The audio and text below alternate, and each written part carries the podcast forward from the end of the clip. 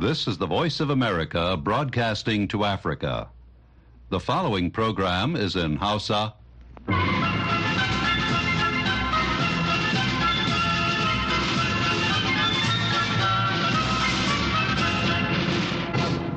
Sashen Hausa na murya Amurka ke magana daga nan birnin Washington DC.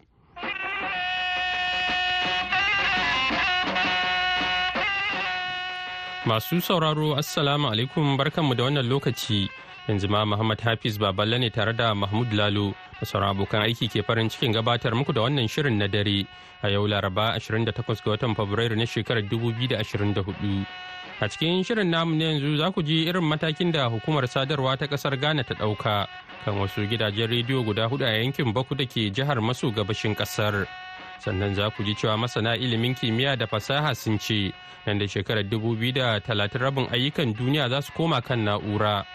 Bayan nan kuma muna tafa da shirin na kasa ba kasawa ba da Sulamumin Barma zai gabatar, amma kafin nan sai a gyara zama a saurari labaran duniya daga bakin Mahmud Lalo.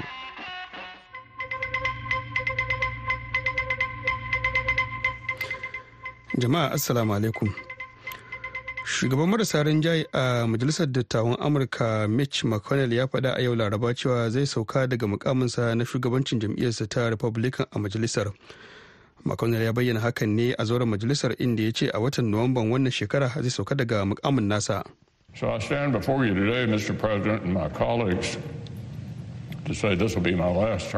McConnell ya ce na tsaya ne a gaban ku a yau ya shugaban wannan majalisa da ku abokan aiki na don na faɗa muku cewa wannan shine zai zama wa'adina na ƙarshe a matsayin shugaban 'yan Republican a wannan majalisa ta dattawa. Ya ce zai ci gaba da zama a majalisar amma zai ja gefe don ya ba sabbin jini damar da za su sarrafa akalar tafiyar 'yan Republican a majalisar. A ranar juma'a mai zuwa ake sa ran za a yi jana'izar shugaban 'yan adawan ƙasar rasha alexei navalny a wata majami'a da ke birnin moscow. Jana'izar da za a bari jama'a su halatta sai dai babu tabbacin ko hukumomin ƙasar ta rasha za su yi yunkurin hana mutane halartar jana'izar. Makusantan marigayi navalny mai shekaru 47 sun ce wurare da dama sun ki amincewa su karɓi taron jana'izar. Navalny ya kasance mutum mai sukan lamirin shugaban rasha vladimir putin. Wanda ya rasu a tsakiyar watan fabrairu a wani yanayi mai cike da sarƙaƙiya yayin da yake tsare a wani gidan yari mai magana da yawun navalny kira yarmish ta faɗa a kafar x cewa mafi akasarin wuraren yin jana'izar da suka tunkara sai su ce babu gurbi yayin da wani ma ya fito fili ya faɗa musu cewa an haramta musu su karɓi jana'izar tasa Many Western leaders have already said they hold Russian President Vladimir Putin. Wakilin kamfanin dillancin labarai na ap kenan take cewa shugabannin ƙasashen yammacin duniya da dama na zargin cewa shugaba vladimir putin na da hannu a mutuwar ta navalny. Wasu masu kada kuri'a a zaɓen fidda gwani da aka yi a jihar michigan a tsakanin masu takarar mukamin shugaban kasa sun nuna wa shugaba joe biden fushinsu kan yadda yake goyon bayan isra'ila a yaƙin da ya halaka kusan falastinawa dubu talatin a gaza. Hakan na faruwa ne yayin da masu shiga tsakani ke ƙara kaimi a ƙoƙarin da suke yi na ganin sun cima matsayin dakatar da buɗe wuta a yaƙin da ake yi a gaza. Gabanin fara azumin watan ramadana kenan a watan maris. Sakamakon fidda gwanin da aka yi zaɓen na fidda gwani da aka yi ya nuna kashi sha uku cikin ɗari na 'yan jam'iyyar democrat a jihar ta michigan mai mahimmanci a zaɓen amurka wacce har ila yau take ɗauke da ɗimbin larabawa amurkawa. Sun kada kuri'ar yin gargaɗi ne ga biden ƙarƙashin wata fafutuka da suka yi wa lakabi da listen to michigan don tursasa masa ya amince da matsayin dakatar da buɗe wuta a yaƙin ahmed othman na ɗaya daga cikin waɗanda suka yi zaɓe a jihar ta michigan. Ya ce na ƙi zaɓar kowa ne saboda shugaba biden ya san cewa ba ma goyon bayan kisan ƙare dangi. Shi da biden ya samu gagarumin nasara a zaɓen na fidda gwani wanda aka yi a jihar ta michigan a ranar talata duk da boran da wasu suka yi. Labaran na zuwa muku ne daga nan sashen hausa na muryar amurka a birnin washington dc dakaran amurka tare da haɗin gwiwar ƙawayen ƙasar sun ce sun kakkaɓo jirage mara matuƙa guda biyar da mayaƙan huti suka harba a tekun maliya a daren talata. Sashen ba da umarni na rundunar sojin amurka ya ce an harbo jirage mara matukan ne daga yankunan yemen da mayaƙan na huti da ke samun goyon bayan iran suke da iko da su. Yana mai cewa hare-haren babbar barazana ce ga jiragen ruwan 'yan kasuwa da ma jiragen amurka da na kawayenta da ke sintiri a ruwan. Waɗannan hare-hare su ne na baya-bayan nan cikin watanni da mayaƙan na huti suke kaiwa a matsayin martani kan jiragen ruwan. Ƙungiyar ta ce tana kai hare-haren ne da nuna goyon baya ga falastinawa kan yaƙin da ake yi a gaza. Waɗannan hare-haren sun sa kamfanonin jiragen ruwan da ke jigilar kayayyaki suna kauce wannan yanki wanda hakan ya tilasta musu yin zagaye mai nisa ta gefen nahiyar afirka. Akalla mutum huɗu ne suka mutu sannan wasu biyu suka jikkata bayan wata zaizayar kasa da ta auku a wani kamfanin haƙar ma'adinai da ake kira nmdc a yankin dantewada da ke tsakiyar jihar chattisgarh a india a cewar kamfanin. Wani babban jami'in ɗan sanda a jihar ya ce mutanen wato a jihar ya ce mutanen sun mutu ne bayan da wani dutse ya faɗo daga kan wani tsauni. Rahotanni sun yi nuni da cewa wasu ma'aikatan kwantaragi biyu sun samu raunuka ana kuma kulawa da su a asibitin kamfanin. Kamfanin haƙar ma'adinan wanda mallakar gwamnati ne ya ce yana gudanar da bincike kan yadda al'amuran ya faru ba tare da an ga wata alama ba.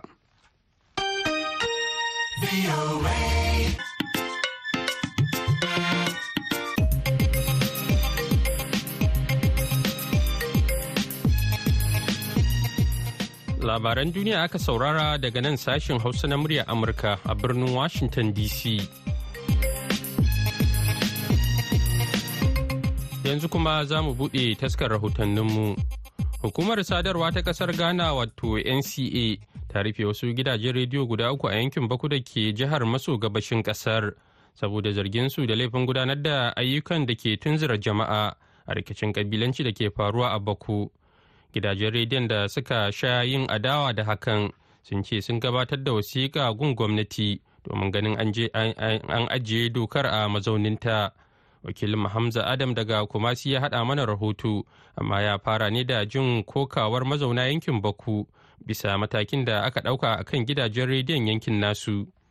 Sunana audun bebe daga bako. Gaskiya radio stations mu da aka kulle cikin garin bako yana ya kaka mana matsala sosai. Mun shiga kefin ƙarfe shida radio radio sun suna taimakan mu. Da shi muke ji har lokacin kwanan mu ya kai mu kwana. To yanzu kuma an kama abin an kulle ba da wani dalili ba. Sunana imrana madaha bako. A gaskiya rufe tashoshin radiyon da aka yi a nan garin bako da ke arewacin ghana gaskiya wallahi bai mana daɗi ba. Saboda a wannan kafofi muke samun sauraron gidajen radiyo daban-daban. Wannan ne tsokacin da wasu al'umman yankin Boko na jihar maso gabashin ƙasar Ghana suka gabatar yau bayan gwamnati ta ɗau matakin rufe gidajen rediyo guda kudu a yankin da suka hada da Goma FM da Boko FM da Source FM tare da Zahara FM bisa gudunmuwar da suke bayarwa wajen hassa wutar rikicin kabilanci da yakici yakicin newa a yankin. A wani jawabin da daraktar sashen kula da harkokin kamfanoni a hukumar sadarwa ta ƙasa wato National Communications Authority na na Dufe Bidu ta gabatar ta ce. Hukumar tsaro ta ƙasa ta National Security bayan bincike mai zurfin gaske da ta aiwatar ta tabbatar da cewa waɗannan gidajen rediyo suna ba da gudunmuwa wajen kawo rashin zaman lafiya a yankin Buku. A don haka ta ɗau wannan mataki wanda daman ita ce doka ya ba ta damar ladabtar da masu yada labarai har in suka aikata ba daidai ba. Muna aiki tare da hukumar tsaro ta ƙasa ne domin ganin an samu zaman lafiya a yankin.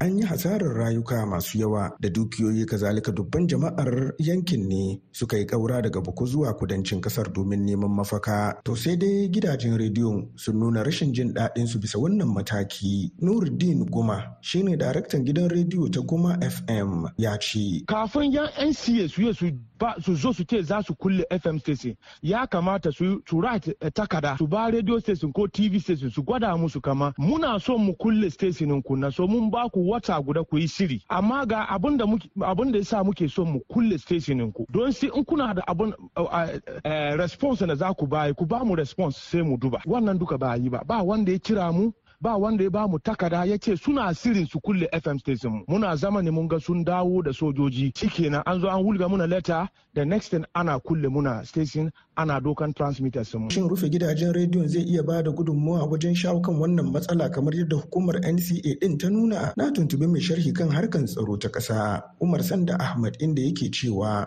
in dai kuma tana lura kamar waɗannan abin da suke sa cikin kunnin mutane zai asasa wani fitina. Akwai hanya a hana a kare. Domin daga Rwanda a yayin da radio station sun kai amfani da waɗansu zantutuka da waɗansu kalmomi ya kare kura har an kai fadan kabilan wannan abin zai iya ya faru. To sai dai ta ɓangaren ƙarfafa demokradiyya kuwa shin za iya cewa matakin rufe gidajen rediyon ya saba wa tsarin Sharif Abdulsalam? Mai sharhi kan al'amuran yau da kullum a ƙasar ya ce ai demokradiyya baya hura wutan rikici. In yau abin da suke yin nan wanda ke babban abu ne yana kashi zaman lafiya yana kawo farace farace a mutanen bako to dole ne ya kamata a sallami wannan tasha a kulle ta don a kawo zaman lafiya. Mun ga kuma cikin demokradiyya ma an yarda domin demokradiyyar ta yi wannan doka a electronic communication act a 775 wanda yake ana yi su shi ne ana daidaita ayyukan 'yan tashar rediyo duka baki ɗaya. To sai dai gidajen rediyon tuni suka sanar da gabatar da wasiƙa na musamman da wasu bukatu gun gwamnati domin ganin an samu yadda ake so. Hamza Adam muryar Amurka daga Kumasi,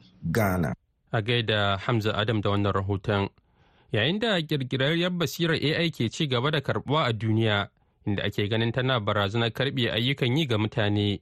Masana ilimin kimiyya da fasaha sun ce, nan da shekarar 2030 rabin ayyukan yi zai koma kan na'ura. Inda suka yi kira ga waɗanda suka kammala karatu da su mai da hankali kan ilimin kimiyya da fasaha domin samun ayyukan da za su dogara da kansu. Daga abuja ga rahoton da wakiliyanmu hawa umar ta aiko mana. Kwararre a ilimin kimiyya da fasaha Dr. Grema Kyari ya ce nan da shekara ta 2030 rabin ayyukan duniya za su koma kan na'urori da hakan zai rage dogaro ga aikin ƙarfi. Kyari ya ce hakan a lokaci guda na nuna damar samun ayyuka cikin sauƙi bisa kwarewa a fannin fasaha. By 2030, 50% na global job ko na office ko na hannu zai koma kan na'ura shine abin da ake ce mishi kirkirar fasaha wato zai zama mutane da yawa ba su da aiki amma to kuma zai kawo ayyuka kala-kala wanda mutane za su dogara a kai. Dr. Grema Kyari ya ce wannan farkawa ce ga waɗanda ke kammala makaranta da korafin ba ayyukan yi da su dage wajen koyon fasahar sana'a da ke kan na'ura mai ƙwaƙwalwa. Kyari ya ce daga ko ina mutum yake rayuwa zai iya samun aikin yi da zai bashi albashi ko kuɗin shiga don kula da tsadar rayuwa. Ana bukatan masu wannan skills din a cikin fannin duniya. Za ka ka zama a cikin Kano, Kaduna, Maiduguri, Bauchi, Neja, ka yi aiki a Amerika ta wannan hanyar gizo kuma a biya ka. Wayannan abubuwa an matasa mu dole su tashi su saya. Barka ce ni na karanta chemistry, na karanta biology, na karanta political science. Wannan hanyar ba zan iya ba a'a ba haka ba ne. Kowanne bai karatu ba zai shiga wannan hanyar ya samu social skill, ya samu soft skill, kuma ya ciga cikin da ake buƙata aiki da ake buƙata ka zo a cikin gidanka a cikin ɗakin ka kai aiki kuma a biya ka kuma ta hanyar gona aka kai zai kai amfani da wannan start up ka fara aiki ya maka amfani sosai ilimin da muke buƙata na ya kamata mutane su tashi su nema. Kyari da tawagar kwararru sun zaga sassan Najeriya musamman yankunan karkarar Arewa don wayar da kan matasa kan wannan abin da ke tunkarowa nan da shekaru shida masu zuwa. Shi kuma babban sakatare a ma'aikatar kasuwanci da masana'antu ambasada Nura Abbarim ya ce, 'yan Najeriya na ci gaba da samun kwararru da kan yi fice a duniya kuma gwamnati na ba su kwarin gwiwa. Duk takardun da za ka nuna na Najeriya cewa kayi a nan ya tabbatar maka cewa kayi qualifying a ɗauke ka aiki a ko'ina a duniya to shine muke yarjejeniya da su. Karancin wutar lantarki rashin wayar da kai da tsadar kayan aiki na daga dalilan da kan kawo rashin amfanar ɗalibai da ma sauran 'yan Najeriya masu ƙaramin ƙarfi wajen cin moriyar fasahar zamani. Hauwa Umar, muryar Amurka daga Abuja, Najeriya. A gaida Hauwa Umar, kafin mu je ga shirinmu na gaba, kuɗan shakata da wannan fefe da ke bisa na'ura.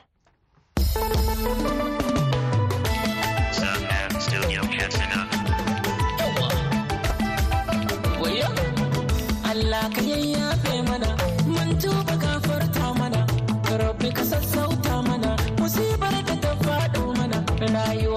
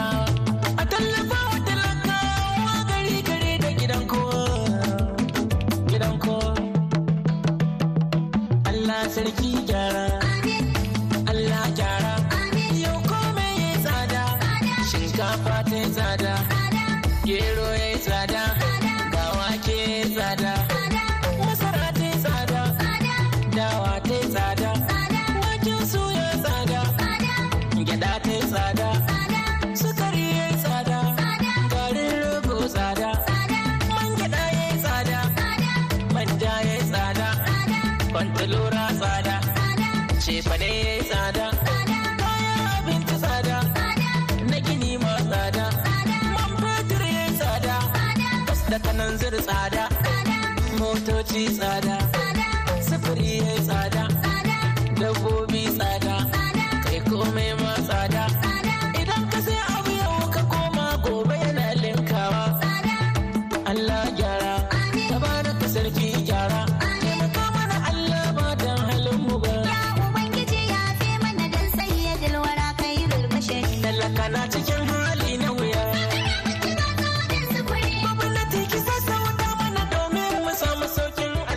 Madalla a gaida Sunusi Anu. Wannan shirin na zuwa muku ne daga nan sashen Hausa na murya Amurka a birnin Washington DC a kan mitoci 1625 da kuma 31. A jamhuriyar Nijar kuma za a iya samun a tashar ta BOA Africa a kan mita 200.5 zangon FM. Haka kuma a yaushe ake so za a iya zuwa shafukanmu na intanet a boahausa.com ko kuma sashin hausa.com domin samun labarai da dumudumin su. Yanzu kuma ga shirinmu na gaba. Nakasa. Nakasa. Nakasa. Ba kasawa ba.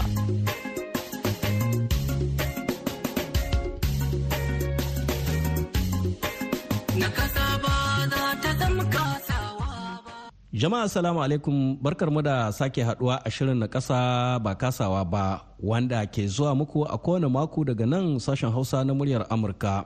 Sunana Sule Mumuni Barma. A satin da ya gabata mun dakatar da shirin ne a lokacin da shugaban gamayyar ƙungiyoyin nakasassun jihar Kaduna Suleiman Abdulaziz ke bayani kan mahimman abubuwan da dokar kare hakkin masu buƙata ta musamman ta kunsa a Najeriya. Shingen da ke hana nakasassu kai labari a yayin zaɓuɓɓuka a matakin ƙananan hukumomi zuwa na jihohi ko na ƙasa na daga cikin abubuwan da ƙungiyoyin mutanen da ke da tawaya ke faɗi tashin ganin sun kawar da su a wani ɓangare na yaƙi da wariyar da suke fuskanta. Wannan na daga cikin batutuwan da wakilin sashen hausa isa lawal ikara ya tantauna kansu da suleiman abdulaziz wanne ya fara da wani babban albishir ga takwarorinsa. Wani kyakkyawan abu da ita dokar ta zo da shi wanda a najeriya wuri biyu ne. Daga lagos sai kaduna. A jiki akwai asusun disability trust fund da aka kafa ai, yana tare a ciki.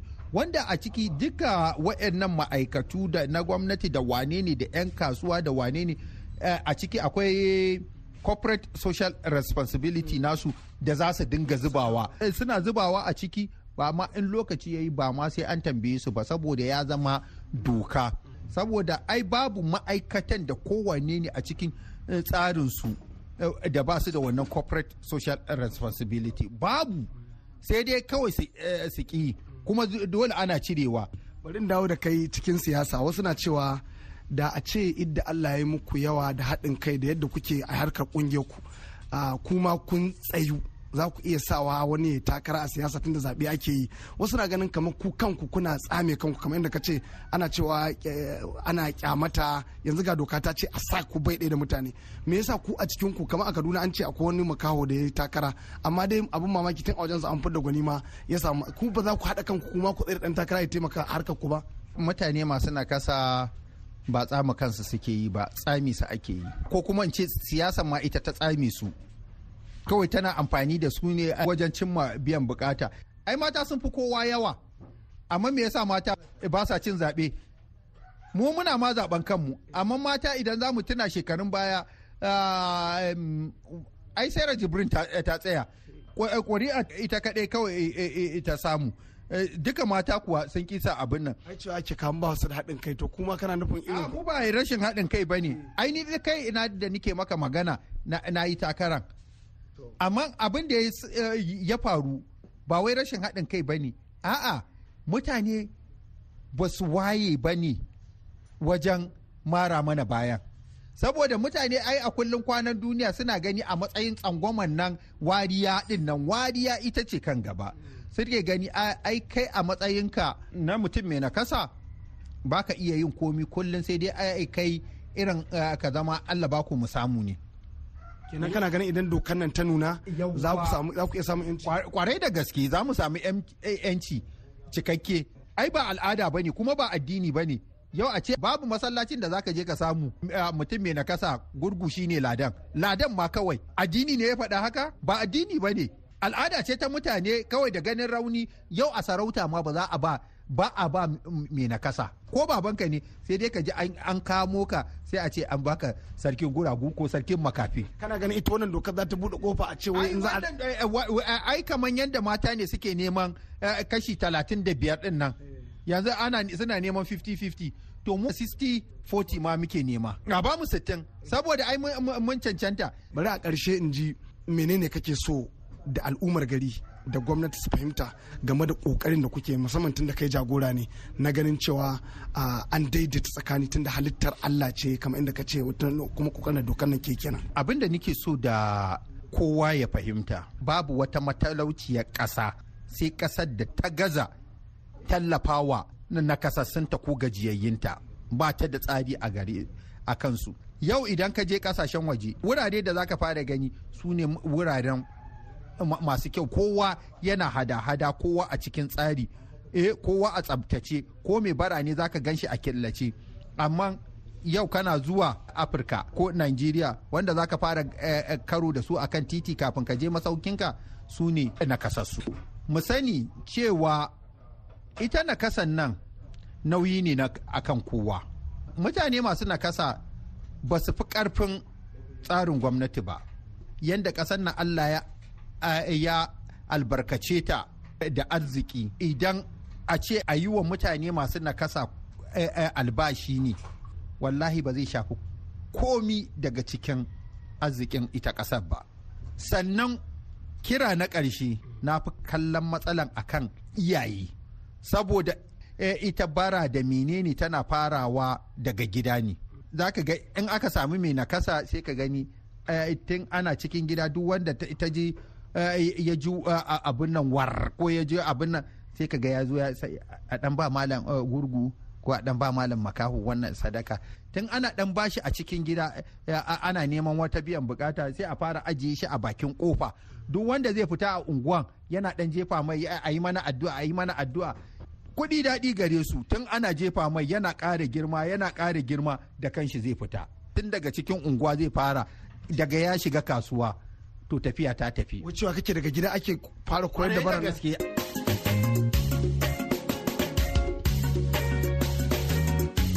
To daga jihar Kaduna za mu garzaya jihar Neja inda kamar yadda aka ji a shirin da ya gabata masu buƙata ta musamman sun fara kiraye-kirayen ganin gwamnatin jihar ta warware wata matsalar da suka ce sun gano a tattare da shirin samar da aikin yi ga jama'a. Kawo yanzu ba wani martani daga wajen gwamnati. To amma a hirarsa da wakilin muryar Amurka Mustapha Nasiru Batsari wani lauya mai zaman kansa a jihar Neja ya yi ƙarin haske kan abin da doka ta ce domin na kasassu idan ana maganar kasafta abubuwan da suka shafi tafiyar da lamuran al'umma. Sunana Bala Ibrahim Zuru ni lauya ne mai zaman kanshi a nan garin Mina. Gaskiya akwai doka akan haka discrimination against people with uh, physical disability prohibition act 2018 shi wannan doka kai tsaye ya yi tanadi ya yaƙin provision da cewa dole ne gwamnati ta yi ma nakasassu tanadi na gurbi a yayin ɗaukan ma'aikata wurin aikin gwamnati ko aikin gwamnati section 28 29 da tati na wannan law din shi ya yi makin wannan tanadi wanda duk wanda ya saba ma ma wannan dokan is a criminal offense. Ana iya yanke mai hukunci a ci mishi tara na in kamfani ne ana ci mata taron dubu ɗari biyar.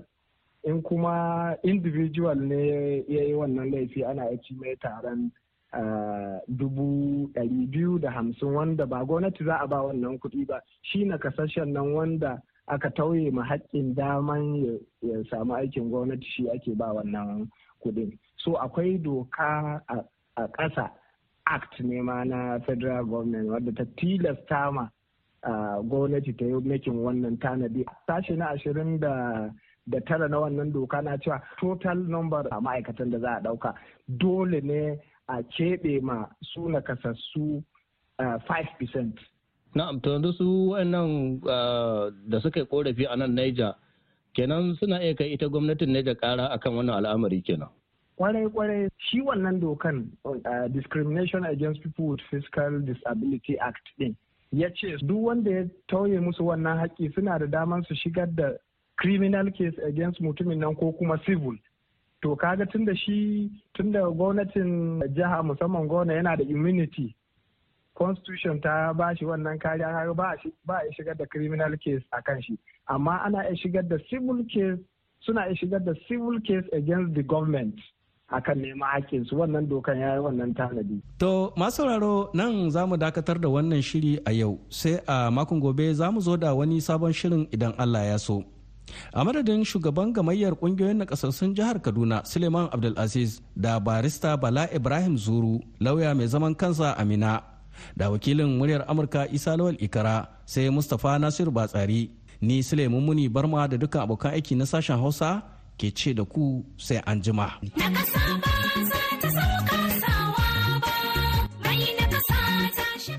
a gaida sule yanzu kuma ga labaran duniya a taƙaice. To shugaban marasa rinjaye a majalisar dattawan Amurka Mitch McConnell ya faɗa a yau laraba cewa zai sauka daga mukaminsa na shugabancin jam'iyyarsa ta Republican a majalisar. McConnell ya bayyana hakan ne a zauren majalisar inda ya ce a watan Nuwamban wannan shekara zai sauka daga mukamin nasa.